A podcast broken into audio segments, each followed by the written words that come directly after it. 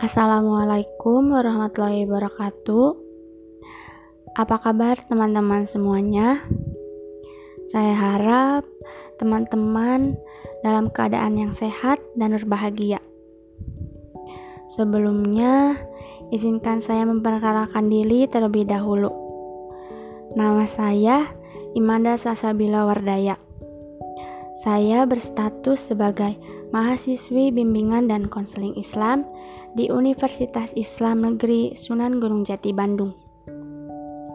Pada kesempatan kali ini, saya akan membahas hasil bacaan saya dari buku yang berjudul Menjadi Jutawan Dunia Akhirat karya Faiz Abdurrahman Al-Fauzan. Menjadi seorang jutawan mungkin merupakan mimpi sebagian besar orang. Siapa sih yang tidak mau menjadi jutawan? Dalam buku ini bukan hanya membahas bagaimana menjadi jutawan di dunia, melainkan juga menjadi jutawan akhirat. Harta adalah kebaikan dan pilar utama bagi kehidupan. Harta bisa menjadi kebaikan sejati manakala diinfakkan untuk jalan kebenaran. Namun, akan membawa petaka jika digunakan dengan tidak bijak.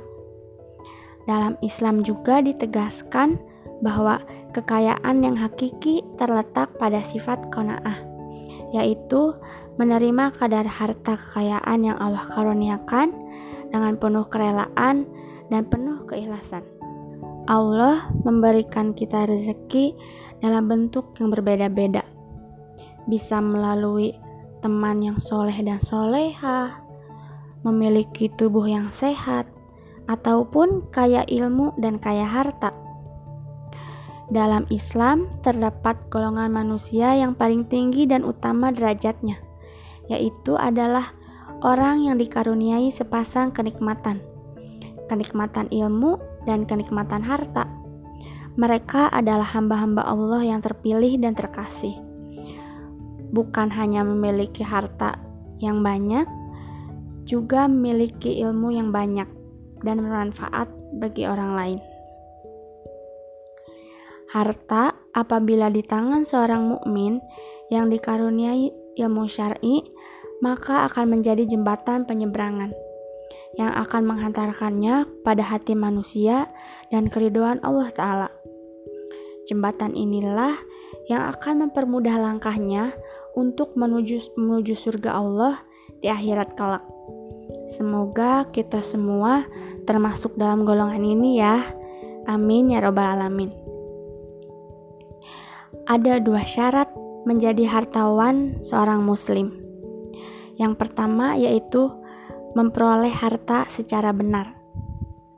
Memperoleh harta secara benar bisa dilakukan melalui bekerja dengan ikhlas karena Allah, istiqomah, tekun, dan bersungguh-sungguh dalam melakukan pekerjaan.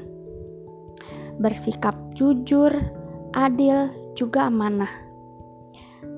Menjaga etika sebagai muslim di lingkungan pekerjaan dengan tidak melanggar prinsip-prinsip syariah dan menghindari dari syubhat.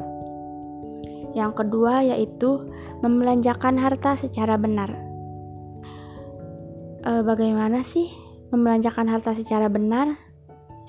Yaitu digunakan untuk kepentingan kebutuhan hidup sendiri, seperti kebutuhan makan dan minum, kebutuhan pakaian, kebutuhan rumah, kebutuhan pendidikan, dan lain sebagainya. Selanjutnya yaitu harta digunakan untuk memenuhi kewajibannya terhadap Allah, seperti melaksanakan zakat, sodakoh, maupun infak. Selanjutnya yaitu dimanfaatkan bagi kepentingan sosial, membantu sesama yang kurang membutuhkan. Ada dua hal yang tidak disukai dalam membelanjakan harta secara benar yang pertama yaitu israf atau berlebih-lebihan dalam memanfaatkan harta meskipun untuk kepentingan hidup sendiri. Misalnya, kalau orang normal kan makan sehari tiga kali. Nah, karena berlebih-lebihan, orang ini dalam sehari bisa makan sampai lima dan tujuh kali.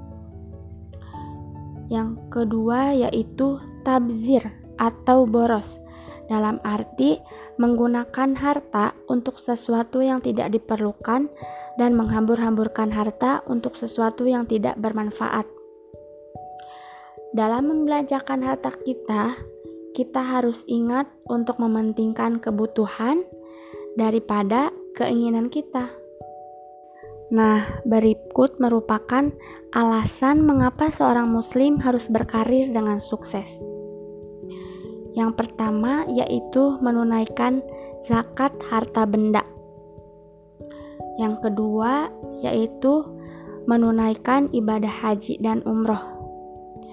Apabila kita tidak bisa berkarir dengan sukses, maka kita tidak memiliki harta yang cukup untuk melaksanakan ibadah haji dan umroh.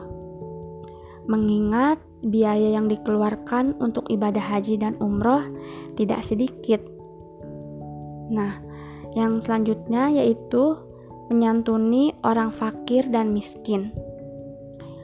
Menyantuni anak yatim dan janda. Selanjutnya yaitu apabila kita memiliki karir yang sukses, maka kita memiliki harta yang cukup dan bisa membangun sarana ibadah, sarana pendidikan, dan sarana umum.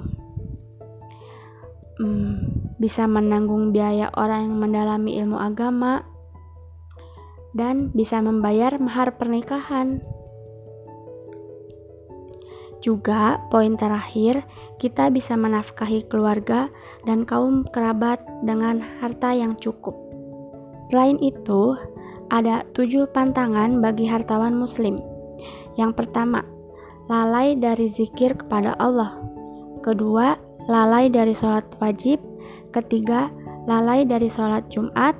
Keempat, lalai dari zakat. Kelima, lalai dari hijrah. Keenam, lalai dari jihad visabilillah. Ketujuh, lalai dari akhirat karena orientasi duniawi.